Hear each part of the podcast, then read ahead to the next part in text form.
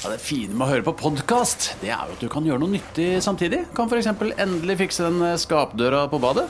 Sånn. Alt du trenger til enkelt vedlikehold hjemme, finner du på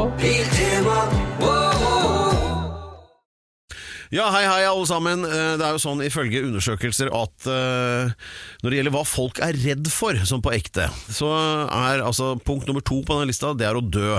Så det er ikke det folk er mest redd for. Det vanligste er å være redd for å snakke til en forsamling. Altså Det er det mange som har fryktelig angst for, men på tross av dette så er det jo en eh, I alle land så finnes det da en gruppe mennesker som eh, eh, på tross av mye sånn indre uro ender opp med å bli artister og nettopp livnære seg ved å stå og gjøre seg til foran et publikum. Um, og det har jeg alltid syntes er litt sånn rart. Kjenner du deg igjen i noe av dette, Alex? Ja. Ja. Jeg er alltid veldig nervøs. Nei, det er du ikke. Jo. Er det Kutt ut, da. Er du det? Ja, det er litt sånn Fordi at jeg er så nervøs, så gjør jeg det jeg gjør. Okay. Jeg drar live rundt. Og så er jeg alltid like nervøs. Nå har jeg holdt på med dette i snart 40 år. Ja. Og når jeg skal opp på scenen, så holder jeg på å kaste opp. Noen ganger så syns jeg det er veldig vanskelig å vite om du fleiper eller ikke. Men Ja, men, Men- det, jeg gjør det. Ja. Men det er litt sånn der, det er den overvinningen hver gang. Og jeg mener at det er veldig viktig, fordi er, du, er jeg ikke nervøs, Mm. så da tror jeg det er noe feil. da blir det kjedelig, da. Ja, nei, Og da tror jeg ikke jeg er så skjerpa. Nei, nettopp. Så når du skjerper deg skikkelig, så blir du alltid veldig nervøs. Men er det, det, er det litt sånn som ekstremsport, eh, det der? At eh, det, altså, nå skal du, er det 2000 forventningsfulle mennesker i en sal, og så skal alle se på deg, så skal du gå inn der og har som ansvar at alle skal hygge seg og le. Og, det er voldsomt, ikke sant? Men ja, og så er jeg alltid veldig redd for Kommer jeg til å drite meg ut? ja, det er jo alltid en mulighet for det. Og så, jeg føler alltid at jeg driter meg ut, Ja. og, så, og så ler folk. Og i starten husker jeg Så var det veldig vanskelig å vite hvorfor de lo. For jeg hadde jo ikke gjort noe morsomt. Men så viste det at jeg var ufrivillig morsom. Ja. Og da, da, det var jo kjempebra. Da tenkte jeg at oi, her er det noe jeg ikke vet om. Det er jo en eh, veldig gunstig oppdagelse, og siden da så har du jo bare latt være å skrive manus. Ja, Ja. helt riktig. Så det, ja, så du er ikke liksom det mest typiske, kanskje, Alex, det kan, det kan hende. Eh, For, for du er jo liksom deg, du er jo liksom bare deg. Du, Jeg vil også. si det var som en prest. Jeg fikk et kall. Ja, det skjønner jeg. Og sånn er det jo med mange av eh, artister, skuespillere, musikere og sånn som har gjort det bra, så er det litt sånn lignende historie. Vi skal gjøre det der til litt tema i dag, tenkte jeg av gjesten som kommer. Stage fright, altså sceneskrekk. Eh, Lampefeber, er det noen som kaller det? Å, lampefeber er kjipt, da. Ja, men eh, for, I dag får vi besøk av en av mine virkelige favorittskuespillere. Det er Jon Øigarden. Legende. Ja, Norsk legende. Selvfølgelig fra Grefsen, han òg. Han er yngre enn meg. Og si Ja. det der en gang til. Han er fra Grefsen òg. Yeah, Grefsen! Grefsen gås og Grefsen gasse! Ja, er Vi er byens overklasse!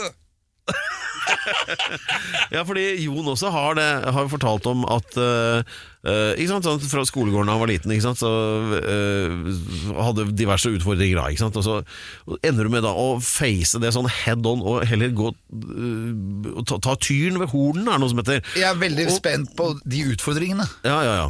Så jeg tror han har en litt sånn type historie. Kan det være et brukbart tema for denne episoden? Ja, veldig bra, Pedro. Stilig. Det hørtes nesten ut som vi hadde planlagt noe nå. Ja. Ja. Alex Rosén Show. En podkast fra Radio Rock. Denne uken vil jeg si at uh, du som eh, lytter har vært ekstra heldig hvis du med følsomme og antibakterielle fingre har søkt deg frem til Alex Rosén Show, fordi denne gangen har vi en ordentlig um, Hva er det du pleier å si? ja, rosé, rosin i Rosenen i pølsa. Ja, jeg vil si det, altså. Det er meg, det. ja, det får vi si. Eh, Men eh, som vi hørte, vi skal jo, eh, det skal jo handle om ting, som vi nettopp hørte. Men nå er det på tide å forestå da den formelle introduksjonen av ukens høyt ærede gjest. Og til det så bruker vi jo da landets kanskje fremste innkaller og gratulatør. Kan bare rivaliseres av kongen, sånn gratulasjonsmessig. Ja, det er meg. Det er deg. Du er seremonimester. På med paljettjakken, og vær så god. Vår gjest i, i dag har vært med i over 100 filmer. Han har vært med i Lillehammer, Vikingarna, Mammon, Exit. Han er helt rå i finansmiljøet. Han har vært med i 22. juli-filmen. Han har til og med vært med i Kaptein Sabeltann og Lykkelig gata. Han var? Jeg har masse masse navn. Men ikke minst, han er født i 1971. Han har antageligvis Tourettes, og det er heftig. Og han er fra Grefsen, der hvor jeg er fra. Så nå blir jeg veldig glad. Mine damer og herrer, her er han! Jon Øygarden! Altså, heftig, heftig intro. Herregud. Du var veldig har litt uvanlig Tourette. Du stemte. litt Tourette også. Ja, det, jeg, men hva er det egentlig? Nei, du, det er en kjemisk ubalanse i hjernen. Så det er behov for verbale og fysiske tics, eh, sier de som kan det. Ja, men Det høres ut som jeg har. Jeg tror det. jeg tror det Men det Fordi- skal du ikke skamme deg over. Men fordi at det, noen ganger så føler jeg meg litt i ubalanse. Ja. Men ubalanse er ikke dermed sagt at du ikke føler at du på en måte er i balanse. Du bare har behov for å gjøre Du får noen signaler fra hjernen, og så må du utføre den, det oppdraget du får fra hjernen din, den kommandoen. Og hvis du ikke gjør det, så skaper det mer uro. Ja, men Så for det- å dempe uroen, så må du gjøre det du får beskjed om. Og det kan jo komme til uttrykk ved at man uh, må si noen stygge ord, som er gjerne er en kjent sak for de med Tourettes syndrom, Ja. syndrom Ja. eller at du har noen fysiske tics. Jeg har en veldig veldig liten grad av det i forhold til de som virkelig sliter med en stein i skoen. Men har du Tourettes syndrom? Ja, ja, de sa jo det i sin tid eh, på Legene? Ullevål. Legene, ja, de som kan det. Ja. Eh, Men moren min bestrider jo det, da. Ja, Så hun nektet at du skulle få kur? Jeg vet ikke, det var kanskje noen andre tics hun kalte det, da. Men som sagt, jeg har jo sett, sett noen programmer på NRK blant annet, der de viser noen sånne folk som virkelig sliter, som må spytte på folk og kaller noen som går for 'Jeg skal ta deg fitta av for ordet'. Sånne, Så kaster ut sånne, sånne ord og uttrykk. Eh, der er ikke jeg. Men det høres ut som tanta di, eh, Alex. Det høres ut som meg òg, jeg. Ja, egentlig. Men Men det er en, det er en uro i bunnen her, da. Det er en urobunn. Men det, det, Jon, det vi begynte med Eller aller først, eh, gratulerer. Vet du hva, Det gleder meg sånn at alt du gjør for tida, er altså så intenst bra. Så kult. Du, vet du hva, jeg, Vi satt og prata om det her i sted, og eh, spurte folk som kom forbi. det, Ikke sant? Dette er jo sånn radiostudioområde hvor alle sier liksom at han er så jævlig bra, han Jon Øigarden. Alle vil ta selfie. Ja, det er så herlig. Det Ja, du er, er on a high nå. ja, herlig. Tusen takk, og- altså. Herlig, herlig. Ja, ja, men altså Exit, ikke sant? Altså, det der, han klysa der. Og, men som du klarer å gjøre menneskelig på en eller annen mystisk måte. Det grepet er bare over, overwhelming, var det eneste jeg kom på. Eh, og for så vidt også han der tullingen i vikingleiren der. Og det jeg lurer aller mest på, hvordan i helvete får du til den gurgle-r-en? Du, det skal jeg fortelle deg. Jeg gikk jo, du gikk på Grefsen, Alex. Ja. Ikke sant? Du gikk til 85. 86. 68. Jon Skau, du gikk sammen med Jon Skau. Ja, han gikk en klasse over meg, men han han dumpa vel Han dumpa. Han dumpa han òg? Ja, jeg tror det. Jeg gikk jo på Grefsen, jeg gikk til 90. Jeg var russ i 90. Eh, så jeg visste jo godt hvem du var. Eh, men i hvert fall, det, jeg, hadde en i klassen min som het Simen, og han eh, var en ganske, han var en veldig morsom fyr, med litt sånn tilbakelent type form for humor. Han hadde den R-en. Oh, ja. Og han sa den, og han sa alltid til damene 'Hallo, baby, skal jeg spandere en drink på eller?' Og jeg syntes det var magisk. For hadde jeg vært dame, så hadde jeg gått rett på. Jeg tenkte, fader Simen, hvordan klarer du å si den R-en? Og jeg klarte ikke å lære meg den R-en, så jeg tenkte, faen, det må jeg lære meg. Så jeg øvde og øvde, jeg tror jeg øvde et år, og plutselig så satt den R-en.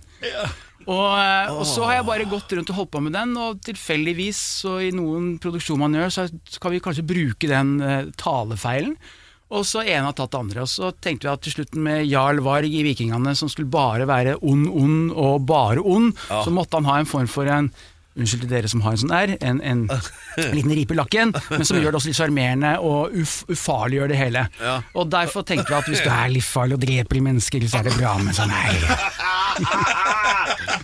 Å, fy fader, så Så det er en talefeil. Jeg vil kalle det en tale. Det er, for det er ikke noen dialekt. Det er ikke en dialekt. Nei. Ikke meg bekjent. Nei, Det må måtte være et sånn stammespråk, sånn klikkspråk eller noe sånt. Men, Ja. for det, jeg har prøvd, nemlig. Jeg satt og, satt og så på sammen med kjæresten og tenkte faen, hvordan får han til det der? Og så og begynte å prøve. Det er jaggu ikke lett, nei. Den, den ligger liksom bak tunga, bak Den må treffe bak i ganen, ikke foran, men Og så det er en, så det er en glottal frikativ, som vi sier i fontikken. Sikkert. Ja. Der kom det sånn! Der kom det sånn. Nei, ikke Jo, nei, glotti, nei, jo det er, det, vi får komme tilbake til det. Det- det men, men det som altså var uh, litt av pointet, da, vi snakket om det like før du kom, at uh, det er jo sånn at de aller fleste mennesker er livredde for å stå foran en forsamling eller et publikum og snakke eller gjøre seg til. Mm. Uh, faktisk mer redd for det enn å dø. Og allikevel så er, det mange da som eh, har bakgrunn da, som, som gjør dette som artister eller skuespillere eller musikere eller hva whatnot. Uh, har hatt Sånn som du da beskrev din uro, da kanskje, Mm. rundt den Tourettesen, så ender de da med å face det head on, med å altså bare gå rett på, og heller gjøre det til sitt livsløp. Mm. Har du, ser du ironien her? Jo, jo, absolutt. Eh, men, men eh, for å svare på eh, resonnementet her. Altså, det å stå foran folk, Ja. er, det syns jeg også det koster meg. Ja. Det gjør det. Men, men, men når man først skal gjøre det, så må du gjøre det. Og da må du gjøre det ordentlig. Ja. Men er du alltid nervøs? Ja, altså, når jeg driver med teater, så er jeg alltid litt nervøs. Men når jeg filmer, så er jeg ikke nervøs. Men jeg får, jeg får opp pulsen litt, eh, for jeg syns det er litt exciting. Ja. Og jeg får opp akkurat sånn at jeg klarer å eh, fort komme inn i en følelse om det skal være enten dyp sorg eller voldsom sinne, så kjenner jeg at jeg kan eh, gå kjapt i begge Ja. det, fordi jeg blir Jeg, jeg, jeg, jeg syns et eller annet med, settingen, og alle står rundt, og vi er klare, vi jobber for den scenen, og så er det vær så god. Da får jeg en eller annen sånn eh, høy Jeg får en sånn høy rytme inni meg som jeg kjenner at den kan jeg leke med. Ja, ja, okay, ok, så Det sånn- liker jeg. Ja, vil du si det samme, Alex, når du skal inn og gjøre deg til? Ja, men jeg prøver å dempe den, da. Jeg, jeg prøver også å roe meg ned så mye som mulig, men jeg kjenner at hvis jeg har behov for å dra på, så ja. Ja. Jeg husker, Jeg er enig i det, altså. Det er helt enig. jeg husker Noe av det morsomste jeg har sett i hele mitt liv, det var det du som sto for, Jon. Det er vel da Det er sånn 15 år siden, kanskje. Og din, min favoritt da, av dine karakterer, det er jo Gunvor. Eh, og, og da Kan ikke du bare eller, forklare Gunvor for de som ikke vet hvem hun er? Altså Gunvor Isaksen er en gammel dame, Ja. og jeg vet ikke, 87 kanskje. Ja. Hun er en, eh, egentlig en gammel nazist og alkoholiker og fryktelig kåt. Ja. Eh, eh, men vi begynner på teaterskolen for Mats Ausa der vi skulle ha et sånn timinuttersprogram på teaterskolen. Du skal finne på noe selv, i regi av deg selv. Du skal vise frem for publikum. Så satt vi der, faen, hva skal du gjøre, Mats, jeg har ikke peiling. Og så kom vi på Muppet Show, de to gutta som sitter oppe der og kommenterer alt som foregår. Jo fader, kan vi ikke være to gamle damer? Og så gikk vi ned på kostymelageret, fant noen kostymer og parykker og noen dårlige ting, og så sminket vi oss, og så satt vi blant publikum, og de andre hadde timinuttersprogram og kommenterte eh, hver gang de var ferdige, når det var liksom en pause mellom hvert slag, så kommenterte vi deres innslag, da. Og litt underveis også. Ja. Og så, og så en tok det andre, så lagde vi en eller annen med Espen Eck på noen greier i forbindelse med Kvelden med Thomas Giertsen. Ja. Og så lagde vi en sånn julekalender. Men uh, selvfølgelig, være gammel dame for å være ordentlig ufin, gammel nazist Det er så deilig! Det er så deilig. Alt er gærent! For det, det, det jeg husker, da, det var vi hadde, en, vi hadde en jobb som vi var på begge to, hvor eh, det hadde vi laget noen andre sånn videosketsjer eller noe, og du var, skal være live. Og det var et Ja, det event sant. hvor det var Om det var Meny eller Tine Ja, det var eller Meny, Telenor, det var jo Oslo i Oslo Spektrum. Ja. Det var smekkfullt. Det var 4000 mennesker som satt der i, i salen. Og alle sjefene og rikkingene Ja. og alt sammen. Eh, og alt sto jo på spill, og vi var redde for å dumme oss ut, for vi var ikke helt vant til altså, store er anledninger som det der. da Eh, Og håpa bare at det skulle gå eh, bra. Og så var ideen var at Gunvor skulle liksom gjøre sin entré, da. Og bare gå og prate gris med de på første rad og litt sånn rundt, ikke sant. Og, vet du hva, det var så gøy, Jon. Du, de, de var så sjokkert, men de holdt på å le. så- altså, Det, det var så gøy. Og lå og rulla i fanget og klemte på ballene Jeg tror jeg tok han bak bakfra, han eh, direktøren der. Ja, hva sa, hva sa Gunvor da, liksom til Det, det der det var magisk, altså. Ja, det, var, det husker jeg var det, var det var fascinerende, og det var, man først, det var jo så ekstremt mange mennesker Ja. på den tilstelningen der, Ja. at det var bare Det gikk nesten ikke Jeg tror jeg nesten gikk i svart, jeg. Da var jeg nervøs. Ja. Men da kunne jeg bare ta det ut. Ja, og, og, og den grisepraten, hvor kom det fra? Ja, hvor kom den fra? Nei, det skal vi ikke snakke om. Det der I guess you had to be there, som det heter. Vi var altså på gamlehjem, skal sies, for vi gjorde også research, Mats og jeg, i forbindelse med gamlehjem og så på gamle damer. Og det var der det kom, for de var ganske krasse og rasistiske. Selvfølgelig ikke alle, men de som var der, som var litt på en snurr. Eh, og en av oss snakka fryktelig om flotte unge menn, og om hvor kåt hun var, og, og, og, og disse her mørkhudede. Så det, det, var, det var der det kom litt. Det På gamlehjemmet, det er der det kommer er fra. der det kommer, vet du. Ja. Og det var fantastisk bare for å være en flue på veggen der. Ja, vi, altså, tilbake igjen med Gunvor. Snart skal vi eh, videre med livet som artist og, og angsten rundt det hele, og en hel masse temaer vi egentlig har tenkt. Men uh, før vi går videre, Jon, hva ville Simen sagt hvis han skulle si rabarbra? Rabarbra?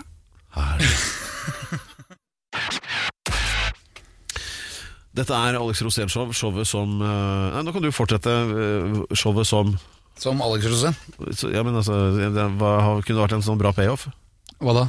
Du vet payoff, altså slagord? Ja. Ja. Alex Rosén, showet som Drar deg rett opp. Som tar helt av. Dette tar helt av. Per.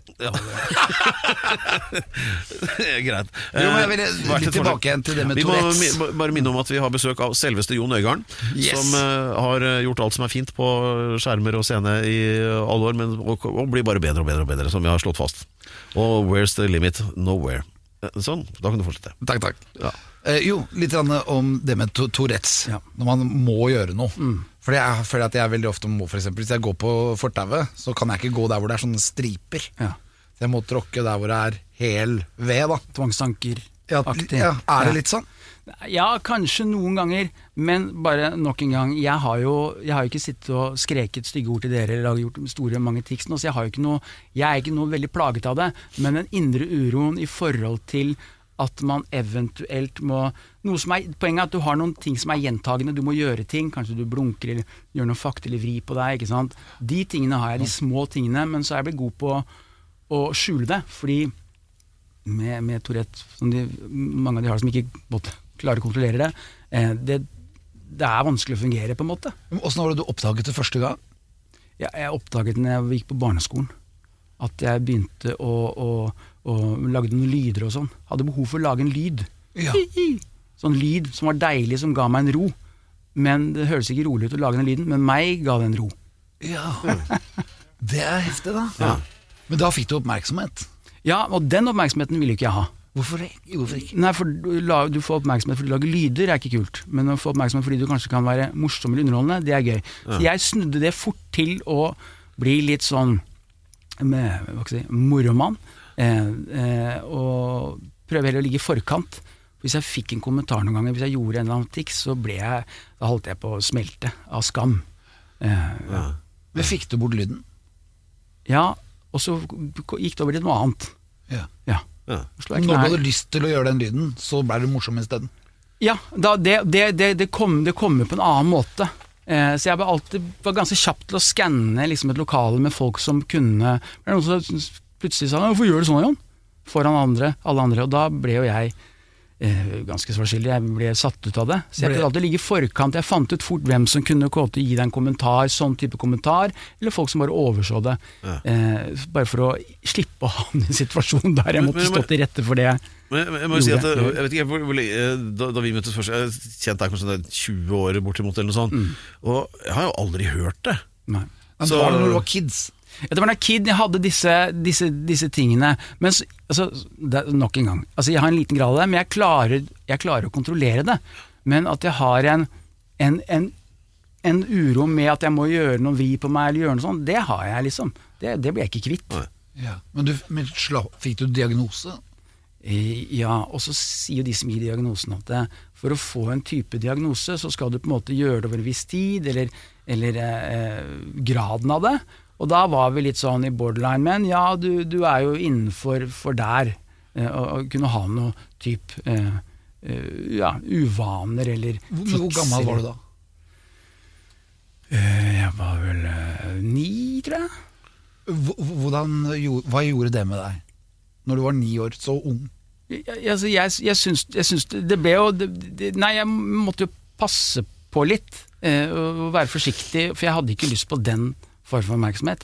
Så, så jeg var redd for å få en kommentar der, eller bli tynt for det eller noe. Ja, Jeg- ja. Skada det deg, eller økte det Det, deg? det, det, det er altså Nei, jeg vil ikke si det skader meg så mye. Det, det, eh, og på sikt, over tid, så har det eh, gitt meg mer enn det har tatt.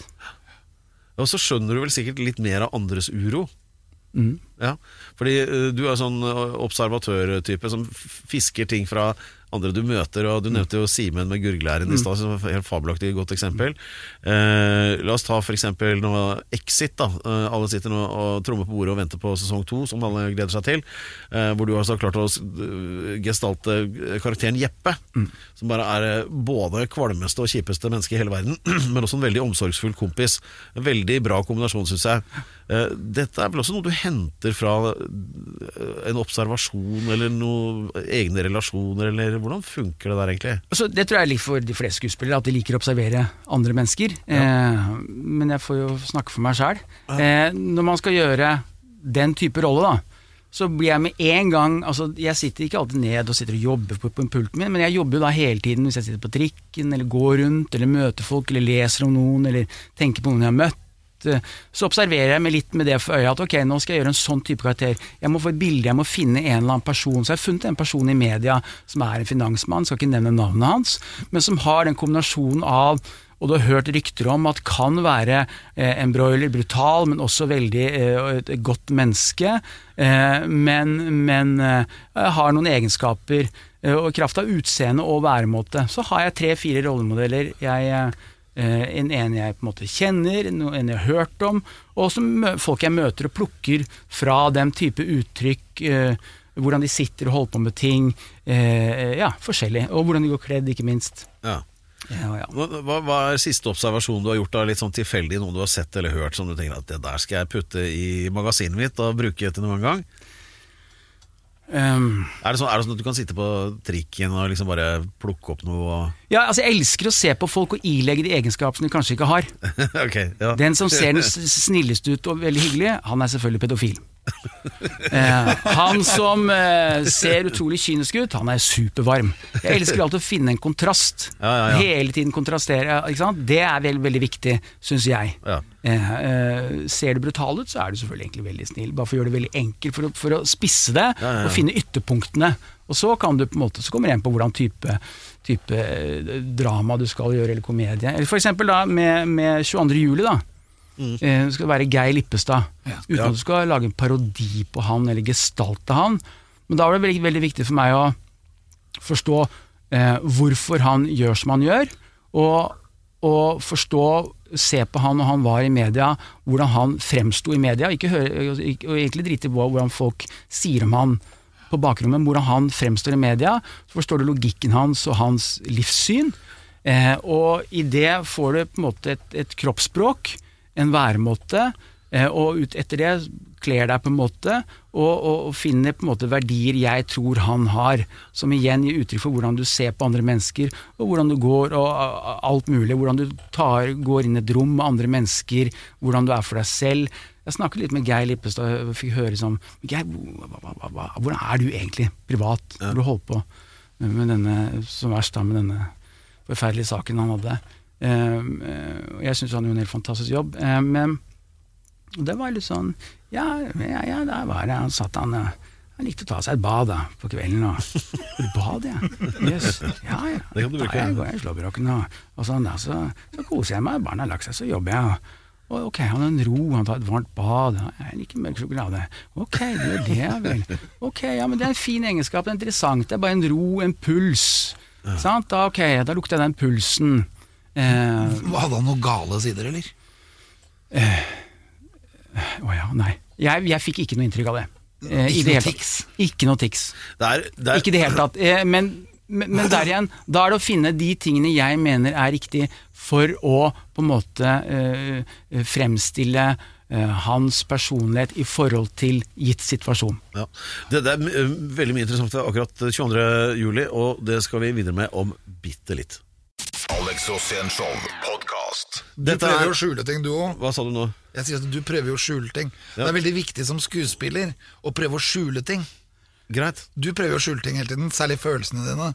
Altså, jeg tror Ja, det veldig alle, lite med- alle, alle eh, skjuler jo, ikke sant? Du vil jo aldri vise f.eks. omverdenen eh, eh, stort sett at du på en måte Du sitter ikke og gråter for folk. Du vil skjule at du er lei deg, eller Ja, Da er jeg sånn. ofte full. Ja, da er du full, ikke sant? Da, da skjuler jo ikke du så mye, akkurat. Burde kanskje ha skjult litt mer. Men da vil du skjule at du er tøff, ikke sant? Da vil, vi- da vil du vise noe. Så har du, har du øyeblikk der du åpenbarer deg helt. Du blottlegger deg helt. Og det er interessant. Og så går du tilbake til eh, Alex Rosén, ikke sant? Men Hvis du viser den siden for eksempel, skulle lage karakter, så er det veldig interessant. Så er det veldig fint, noe veldig sympatisk trekk. Og der igjen, da er det enda finere hvis du er en fyr som driver med noe helt ekstremt ikke bra, så har du de kontrastene.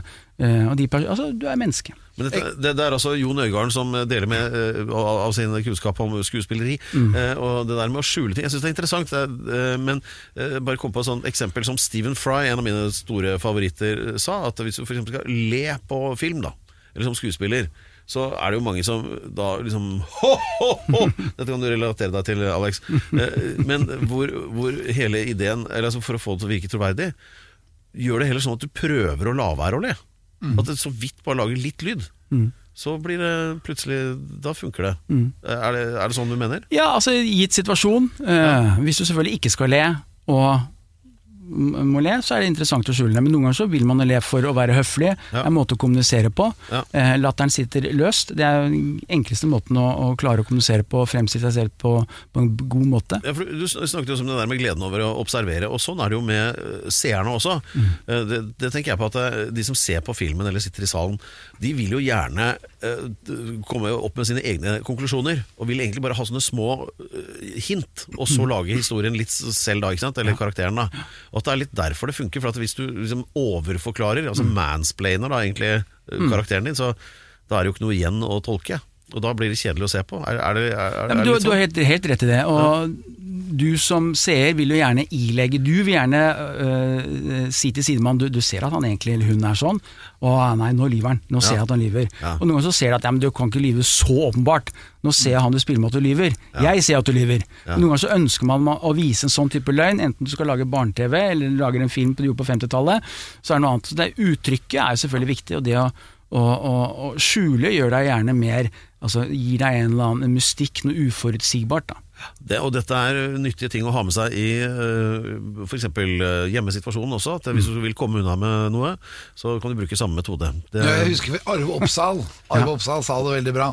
Han skulle være full på TV, og det var han jo veldig ofte. Hele tiden. Mm. Og han skulle være dritings, liksom. Og da ble han spurt om hvordan han klarte å være så full på TV. Og det var det at han jobbet med å prøve å være edru. Ja. Ja, men det er riktig. det, det var den ene måten. Så har du Harald Heide Steens metode, som rett og slett var å være driting. Som hele tida. Han måtte bare naturlig skjule det. Men eh, kan kan vi gå bitte litt tilbake til 22. juli Ja. eh, og Geir Lippestad-rollen som du spilte der, Jon. Eh, altså, det- Der var det jo eh, Det, det der eh, er jo vanskelig, da, fordi omstendighetene var jo også sånn at eh, Norges klart mest forhatte mann skal forsvares av noen, for det sier jo loven at han skal. Og så kommer da denne fyren, Geir Lippestad, så vil man jo helst tenke at hva er det for slags jævel som skal forsvare han? Ja. Det sitter jo alle og tenker. Eh, og eh, det er jo det, det, det, er det som ligger og vibrerer her hele tida. Altså, hvordan forholdt du deg til det? Altså for det første syns jeg bare det var, Jeg følte at når jeg var med i den filmen der, så tenkte jeg at nå er jeg med på noe som, som, som altså Vi skal lage en film om noe av det verste som har skjedd i Norge. Eh, det handler ikke om meg som skuespiller, det handler bare om at jeg skal gjøre en oppgave, og den må jeg gjøre så ordentlig og ekte som mulig, eh, og ikke ta vekk fokuset fra noe. Altså bare gjør jobben din.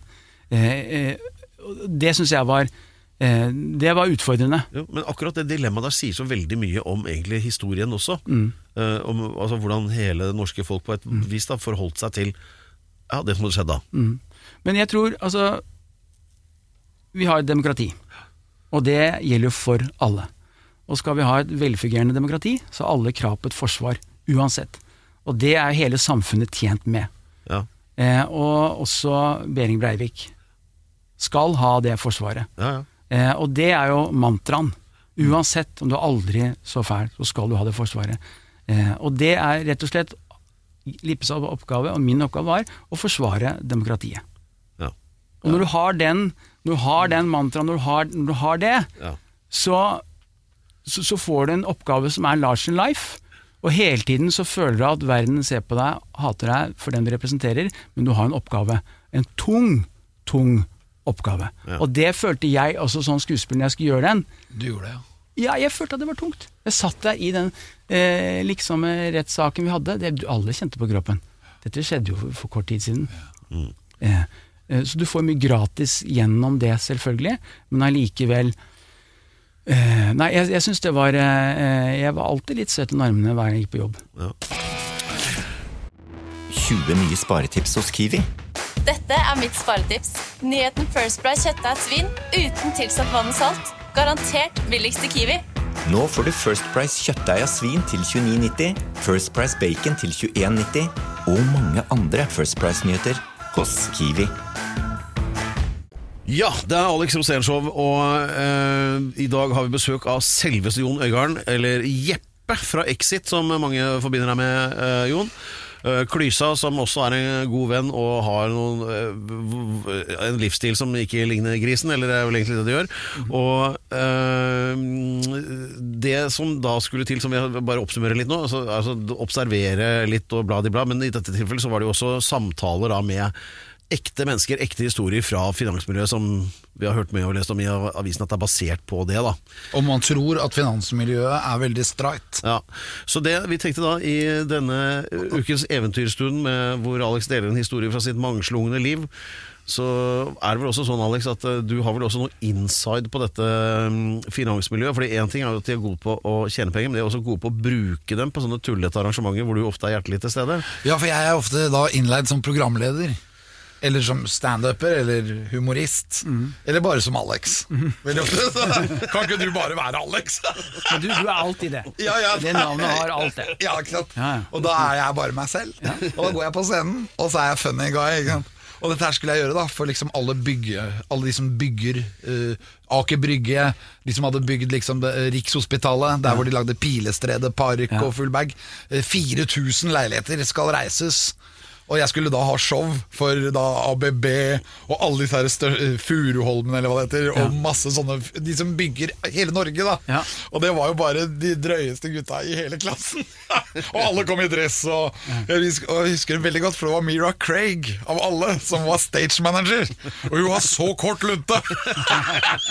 Alex viser tre millimeter øh, lunte. Ja, men hun blir forbanna, ikke sant? og hun har masse bein i nesa. Så hvis du ikke gjør som hun sier, så vanker du juling. Og hun tar deg Hun- med begge hendene. Og da var det der, ikke sant? Og jeg sendte hele tida manageren min, som var livredd. Så jeg det at du kan ikke snakke til meg, Mira, du må prate med manageren. Og så kommer manageren. Jeg orker ikke mer! Han fikk jo sammenbrudd, ikke sant? For han ble jo strukket av Mira opp og ned i mente. Og, og det ble, var veldig gøy, for at hun skulle da hadde med seg 20 eh, karer fra Afrika som rappa.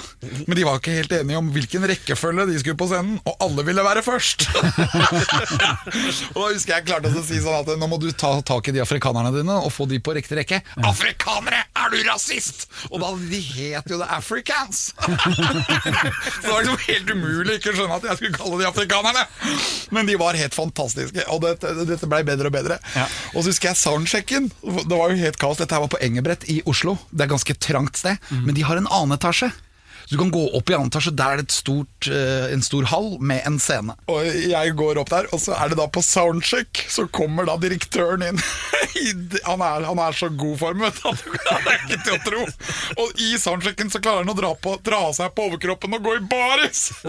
Ja, så han tar jo, og så sier jeg at det, det har ikke begynt ennå. Vi er bare i soundcheck. Og da var han i baris, og så sto og tok karateslag. og jeg tenkte at han er i god form. Hvordan blir han utover kvelden, liksom? Det var ikke noe problem, for han hadde jo masse hjelpemidler. Og han ble bare i bedre og bedre form. Og, og, etter hvert, og så, så gikk det jo over da, til at vi måtte backstage, for nå kom jo gjestene. Han sto aleine igjen på scenen, ikke sant? I baris. Og jeg elsker jo folk i baris. Det er noe veldig tro, altså, tillitsvekkende med det. Særlig sånn i starten av kvelden. Og vi går backstage, alt roer seg ned. Og så går vi på scenen, og i det vi skal på scenen, så er direktøren på vei opp først, ikke sant? Fordi han er jo veldig hypp på å være på scenen. da. Og han er i kjempeform. Og så, så må han liksom bæres litt til siden, da, eller tas ut, for at det skal jo være danseshow. ikke sant? Og alle skal gjøre en del ting før liksom hans kommer, for han skal jo presenteres etter sangen. Men han blir jo da veldig uenig i det, da. Så det blir jo Jeg havner i nærmest slagsmål Ute på den ene kanten av scenen for å holde han Det er ikke din tur ennå! Du må vente! Nei, nei, nei, faen, Alex! Jeg trodde du var kul! Og så blir det Så jeg holder igjen han derre direktøren, da. Mens da Mira Craig kjører dansen sin, ikke sant? Og, og heffer full bag. Og så er det Alex Rosén! Ikke sant? Og da skal jeg inn. Hallo, hallo, og så kommer han! Direkte inn. Og idet jeg da skal intervjue han, ja, gratulerer med 20-åren, men dette her ble jo veldig bra. Og, og, kundene stod satt og klappet og sånn. Og idet han snubler over, så mister han den posen med det hvite pulveret oi, oi, oi, oi. på bakken, ikke sant. Og jeg bare sånn jeg ser jo da, Publikum ser jo det også, men det er jo ikke en del av showet. Så jeg tar jo da benet litt sånn foran for å dekke over den posen. Jeg blir stående litt sånn. Jeg tenker at den, den må vi prøve å gjemme litt unna. Og han står der, svetten renner, ikke sant. Dritbra form. Gratulerer, alle sammen. Han har ikke ennå fått med seg at, at han har mistet mistet den. Ja. Det er jo litt sånn småkrise. Det hele går jo veldig bra, og han har jo da også kjøpt inn selvfølgelig mange premier. Han, har- jeg trodde han hadde med si 40 pokaler som han skulle dele ut, men han hadde glemt hvem han skulle dele de ut til. Så det sto da, og Han hadde en da som het Årets eh, Ted Kick, eller Nei, Årets Badass. Og det var meg! Det var en sånn her vikingstatue i sølv. En halvmeter vikingstatue i sølv hvor det sto Årets Badass, Alex Rosén. Og så fikk jeg årets badass! og, de alle, og så var det ti andre pokaler, og sånn men de hadde den glemt, da så de ble jo aldri delt ut. men alle fikk jo sine premier og sånn, da. Og helt til slutt så øh, de, de gikk jo i målet på, på, på et vis. Men jeg må jo si at det hele den festen Alle på den festen her, de tok jo helt av. Og det var, det var på en måte det ekte Exit, da. Jeg skjønner. Det høres sånn ut. Men det er veldig gøy med ekte katastrofer. Ja. Og i Exit så får dere på en måte det til. Øh, og, og det fins. Det er sånn. ja. Det er klart det fins. Ja. Selvfølgelig. Det er ikke noe å lure på. Ikke at alle i finans... Jeg vil si alle. alle, ja, alle. Da har vi vært nok injurerende. Tusen takk. Eh, Det var Alex Rosén, Mangslungne liv i kveld. Ja, takk. Um, og så bare legge til at eh, neste sesong, altså Exit sesong to, skal være fra tilliggende miljø, er det ikke det? Eventbransjen og sånt noe? Eller tar jeg litt feil her? Eller Nei, det er jo samme miljø, ja.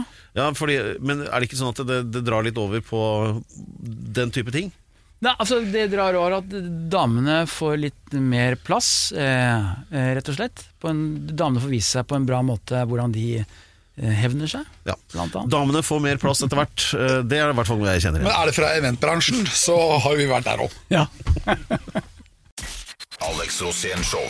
En podkast fra Radio Rock. Vi har besøk av Jon Øygarden, som uh, er Er det- er dere i produksjon med Exit 2? ja, nå er vi i gang med i å, lage korona- sesong to av Exit. Ja, og det, det gikk an å eh, få det til på tross av eh, altså karantenegreiene. Ja. Og, så, men ga, ga det noen begrensninger forresten på innspillingen? Eller? Ja, det, Vi har de scenene som skal være eh, nære. Ja. Eh, det skal vi vente litt med ut i august. Ja, for det er vanskelig å gjøre intime sexscener med én meter mellomrom. Ja, det er vrient. Da må man være eh, usedvanlig godt utstyrt. Vi hadde noen scener her, vi var på noen strippegreier, eh, og da måtte det være nært. Ja. Men det handler jo da om de vasket inn eh, pupper og alt med sprit først, da. Ja, det, det, det, det? vil jeg alltid anbefale uansett. Men eh, hvordan eh, det, er, det handler jo om eksessene til folk da, som har eh, litt vel mye penger mellom henda. Og det er, også, det er jo ditt liv i et eh, nøtteskall, Alex. Ja. Eh, eh, er det, men er det nødvendigvis sånn at eh, det, det er mange da i finansmiljøet som sier at nei, sånn som de holder på, det er, kjenner ikke igjen i det hele tatt. Sånn, Ja, men det, er, det er samme som på Stortinget. KrF, ikke sant. De får ikke med seg noe. Og da er det jo sånn De ser en annen vei. ja, Jeg tror det. Tror du folk egentlig vet det? Ja.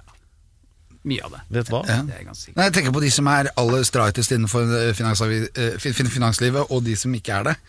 At det, noen går rundt med skylapper og ikke får det med seg, mens andre er litt mer trente på det, kanskje. Det tror jeg nok. Men altså, det er vel, det, det er vel liksom menneskenaturen dette her, og det er, jo, det er jo litt det kanskje at uh, hvis du har ekstremt mye penger og kan uh, gjøre altså, I de fleste miljøer så finnes det noen som gjør drøye ting, uh, men det blir så veldig mye mer synlig når du begynner å blande inn helikoptre og yachter og 70 innleide prostituerte. Og så, altså da, det blir jo litt sånn. Mer underholdningsverdien øker, da. Ja, Definitivt. det er vel litt sånn, Ja. men eh, eh, Det er ja, sikkert gøy, ja. ja, det Ja, men jeg føler at det finnes mange folk som ikke får det med seg. Som tror at verden er så fin og pen. Og så har du de som lever ut hele greia. Hvordan gjorde du researchen til Exit, egentlig? Ja, vi gjorde bare researchen at vi så på det opptaket med de gutta.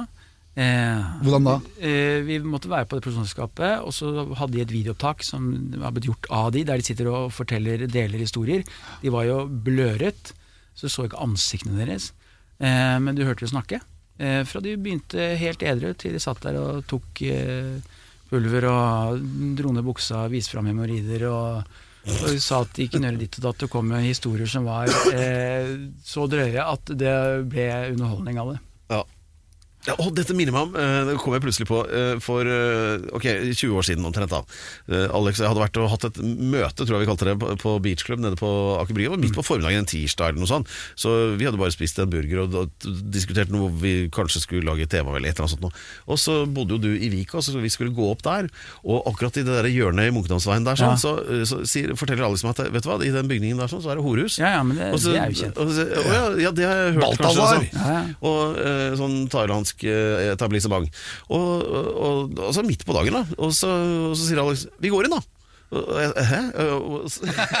Og så, går han da, og det er en sånn liten resepsjon der inne. En veldig sånn søt dame som står der. Og, og, så, og så foreslår Alex at eh, Hei, eh, vi hadde bare lyst til å titte, kan vi få en omvisning? sier Alex til dama. For at Vi fikk jo det. Ja, og, og, liksom, eh, ja ok. Her er sugerommet. Så- nei, det var ikke, det var ikke men det, som, men det som i hvert fall skjer, da, var at eh, Og hun var jo veldig sånn eh, imøtekommende, og ja, dere kan få se. Og så er det et venterom, da tydeligvis, som er liksom neste innenfor der hvor da sitter det noen karer der i slåbroker og venter, ja, venter på tur med Finansavisen. da og, og, jeg, og, så, og, så går dø- og så går døren opp, og vi går, vi går inn der, og så sitter det et par sånne typer, ø, og jeg kjenner igjen to av dem som er sånne hotshots ikke sant, fra finansmiljøet rett over gata, altså på Aker Brygge. Eh, og så og si- si- sitter der og venter på tur, eller har kanskje nettopp levert, jeg vet ikke. Og så kikker de opp, og så ser de Alex. Og så skjønner jeg hva som foregår i hodet på dem, så tenker de «Åh, TV! de, liksom.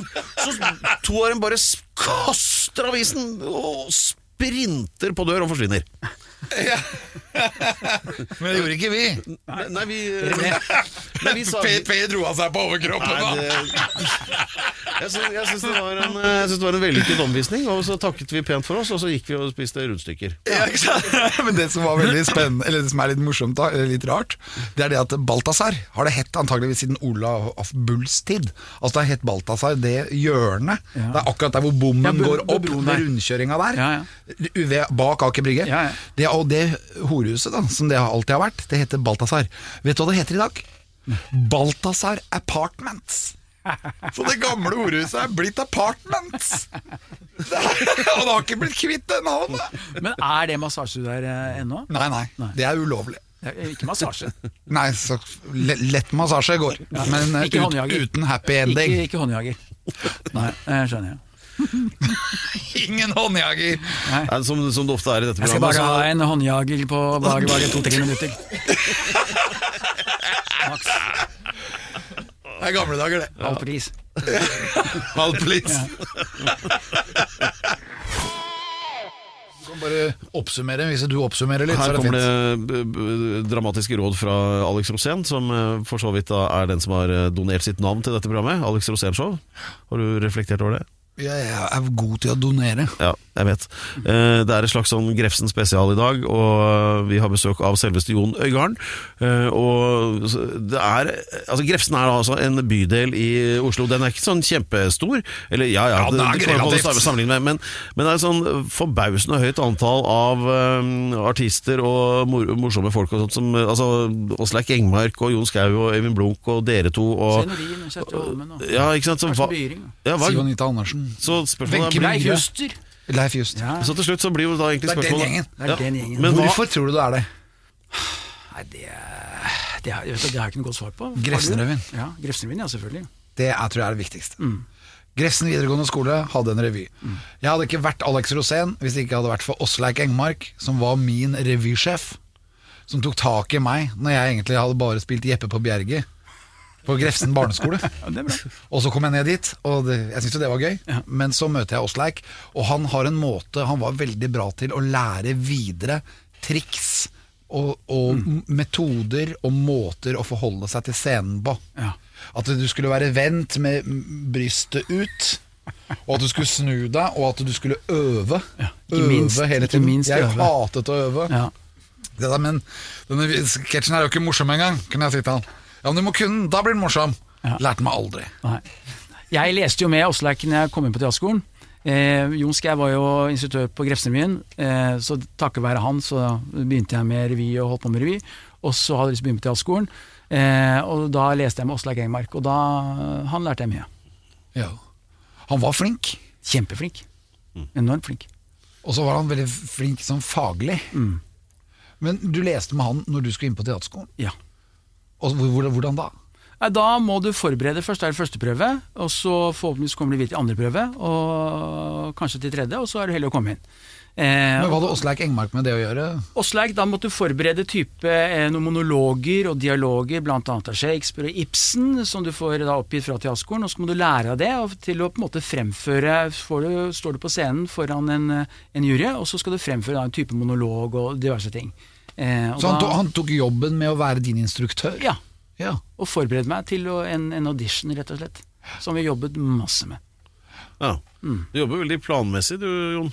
Eh, ja, når jeg, ja, når jeg først, eh, når jeg først skal liksom gjøre noe, så liker jeg Da kan jeg holde på i, altså, Du kan sp stille spørsmål til hvorfor, og du får kan holde på evig tid. Ja. Hvorfor det? Hvorfor det? Hvorfor det? Hvorfor det? hvorfor er det mer gøy å spille bad guys? Nei, altså, jeg syns jo alt er gøy. Eh, har man spist mye tunfisk, så er det godt med biff. Eh, men, men det med bad guys er jo interessant fordi eh, altså, jeg er helt normal til vanlig, så da er det gøy å gjøre noe som ikke jeg gjør til vanlig. Og bad guys har alltid en eller annen sånn X-faktor ved seg som jeg syns er fascinerende, for det er så mange av de i samfunnet. Altså Som han Jarl Varg, for eksempel. Som, Ja, sånn, det er jo sånn klisjeen eh, Hollywood, ultra, eh, B-film, eh, ond. Eh, du skal ikke være skjulende, du skal bare være ond. Og det å bare, bare være ond er også veldig gøy. Du ser ond ut, og alt du driver med er ondt. Punktum. Tegneserie. tegneserie. ja, men Du har et veldig sånn karismatisk fjes, og når du ser ond ut, så ser du jo ond ut. Så ser jeg ond ut, ja. ja, ja. blir, blir det flere sesonger av Vikingene, forresten? Det vet jeg ikke helt. Nei. De, de har skrevet uh, en sesong til. Det har de. Så får vi se. Spennende. Men først altså Exit eh, andre sesong. Vi, har, vi skal um, rulle inn årene, heter det vel neppe, men det kunne det gjort. Uh, og ikke bare for denne episoden, men for uh, i og for seg denne Sesongen. sesongen. Vi skal si god sommer, og uh, du som er seremonimester, Alex, skal takke pent og, og sånn om et øyeblikk. Men husk da at det er rikelig tilgang på episoder av dette fremragende showet, som vi kaller Alex Rosén-show, eh, i podkastform. da, Og hvor er det vi finner de, Alex? De finner vi på internett. Det er helt riktig. Da syns jeg du kan eh, snøre sekken pent sammen og, og skape den gode, varme fuzzy-følelsen som bare du kan. Ja, tusen takk til alle sammen. Tusen takk til Lance for fantastisk research. Remi bak spakene.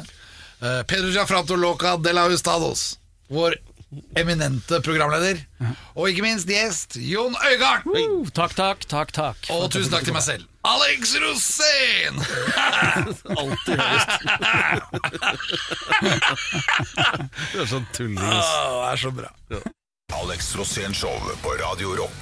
Ny episode hver fredag der du finner dine podkaster. Radio Rock.